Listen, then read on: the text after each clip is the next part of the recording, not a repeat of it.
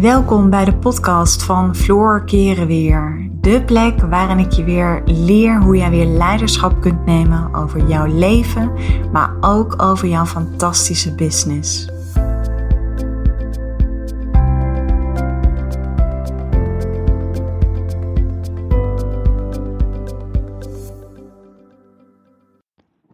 Hey, wat leuk dat je luistert naar mijn podcast. Nou, ik besloot toch nog een deel 3 op te nemen. Die ging over die enorme game changer van mij. Want ik voelde toch nog dat ik vond dat er een deel 3 moest komen. Want hij was nog niet helemaal af. Want wat ik je tot nu toe heb geleerd in deel 1 en 2 is dat je niet mee hoeft te gaan in die gedachten. Dat je niet alles hoeft te uh, labelen. En dat jouw mind op alles de controle wil uitoefenen. Oké, het kan je waarschijnlijk zeker gaan, het kan onwaarschijnlijk gaan gebeuren.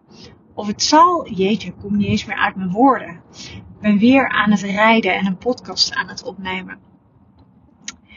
Oké, het gaat je waarschijnlijk gebeuren dat het toch een keer zo zal zijn dat jij meegaat in je gedachten. Dus dat je toch weer eventjes meegaat in die maalstroom van gedachten dat gaat je op dat moment waarschijnlijk even een naar gevoel bezorgen.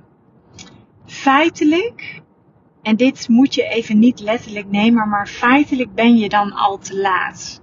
En dat is niet erg, want op het moment dat jij die emotie voelt, dan heeft het niet zo heel veel zin meer om uh, de strategie die ik je heb aangeleerd om die te gaan toepassen. Want dan zit je al in je gevoel.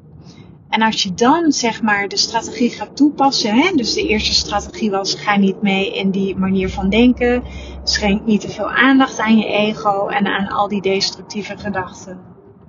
Maar als het je wel een keer gebeurt en je raakt daardoor eventjes van de waps en dat zorgt ervoor dat je bepaalde emoties in jezelf voelt, dan is het toch belangrijk om jezelf eventjes op dat niveau de ruimte te geven om tegen jezelf te zeggen: Oké, ik voel dit nu even. En benoem ook die emotie. Ik voel op dit moment angst. Ik voel op dit moment verdriet. Ik voel op dit moment weerstand. Door juist die emotie te benoemen, haal je de lading er al wat meer af. Want vaak, wat we doen is, kijk, we willen het liefst van pijn af. Denk maar aan een echte wond. Op het moment dat je een echte wond hebt en die doet pijn, dan wil je daar ook vanaf. Maar zo is het natuurlijk feitelijk ook met pijn die ontstaat vanuit een mentale gedachte. Die voelen we soms ook. Die emotie voelen we in ons lijf. En de kunst is dan om die emotie op fysiek niveau alle ruimte te geven. Dus dat doe je door met je aandacht even in je lijf te zijn. Waar voel ik op dit moment de emotie? En welke naam mag ik aan die emotie geven? Misschien is het angst, misschien is het verdriet, misschien voel je druk op je borstkas, misschien voel je een knoop in je maag, misschien voel je een brok in je keel. Ga daar maar eens met je aandacht naartoe. En door daar te zijn met je aandacht, zonder het weg te willen drukken, zonder het op te willen lossen, of er een oordeel over te hebben, of in een patroon van zelfkritiek of zelfverwijt te vervallen. Nee, in plaats daarvan wil ik je vragen om er met je aandacht te zijn. Gewoon te zijn. Kijk maar eens of het lukt.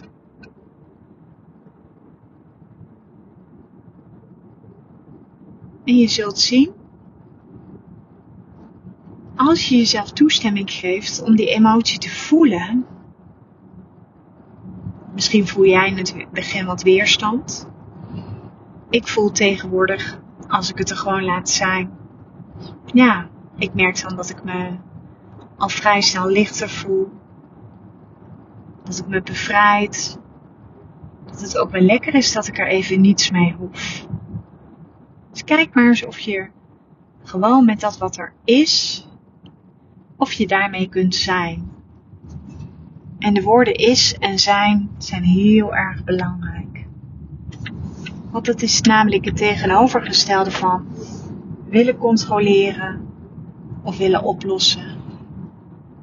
Allemaal ingegeven is vanuit onze mind. En als je dat zo wat meer een ruimte geeft, op fysiek niveau, dan kun je misschien je hand nog eventjes op de plek leggen. En dan de volgende stap is dat je ernaar ademt. Dus misschien voel je druk op je borst. Leg je hand maar eens op je borst. En voel maar eens dat je daar gewoon al rustiger van wordt. Ik vergelijk het altijd met een klein babytje wat heel erg aan het huilen is, maar zodra het wordt opgepakt, zodra het jouw warmte voelt, dan word je al rustig. En dat is wat je eigenlijk doet op het moment dat jij je hand legt op de plek waar je de emotie ervaart. Je troost jezelf als het ware. En kijk dan maar eens of je daar heerlijk naartoe kunt ademen. Je hoeft niks te forceren, je hoeft niks vast te zetten. Maar je kunt daar gewoon naartoe ademen. Geef die plek, die plek die misschien een beetje brandend voelt, omdat die emotie zich in jouw plek, op die, op die, omdat die emotie zich in jouw lijf op die plek, vaak is het ook wel een vaste plek. Ik heb persoonlijk zelf altijd als ik een emotie voel in mijn lijf die te maken heeft met angst, met verdriet, met irritatie. Ik voel hem vaak bij mijn borst. Je hebt dan vaak ook een wat hogere ademhaling. Kijk maar eens hoe het is als je daar naartoe ademt. En ondertussen wees je bewust van je lichaam. Dus laat ondertussen ook alle spanning in je lijf los.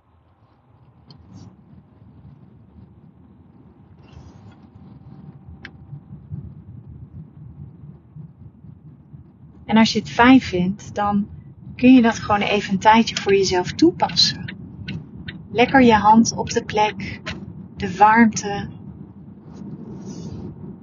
er naartoe ademen en ondertussen alle spanning in je lijf loslaten. Dus je schouders omlaag, je hoofd laat je een beetje zakken, je kaken los van elkaar, je handpalmen beetje zo losjes geopend.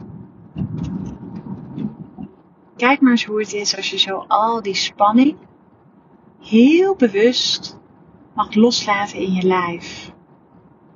En dat je alleen maar heerlijk je hoeft te focussen op je ademhaling.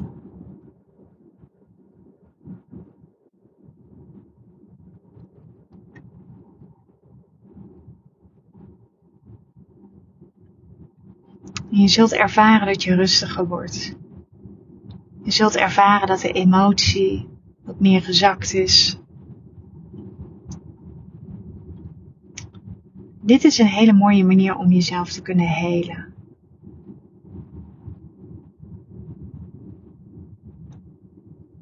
En op het moment dat je voelt dat er toch nog ergens iets aanwezig is wat nog niet helemaal fijn voelt, dan kun je deze strategie nog een keer gaan toepassen.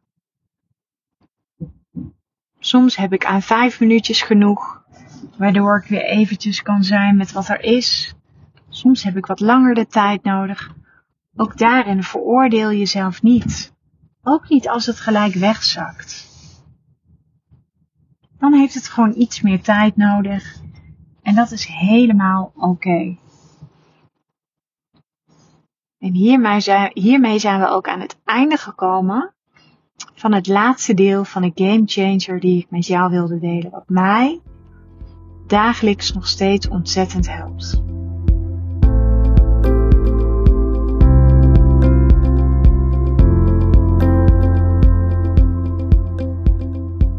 Dankjewel voor het luisteren naar deze podcast. Ik uh, zou je nog willen vragen of je een review zou willen achterlaten. Een van mijn grootste wensen is om zoveel mogelijk vrouwen te kunnen bereiken. En dat gaat me zeker lukken op het moment dat jij voor mij een review wil achterlaten.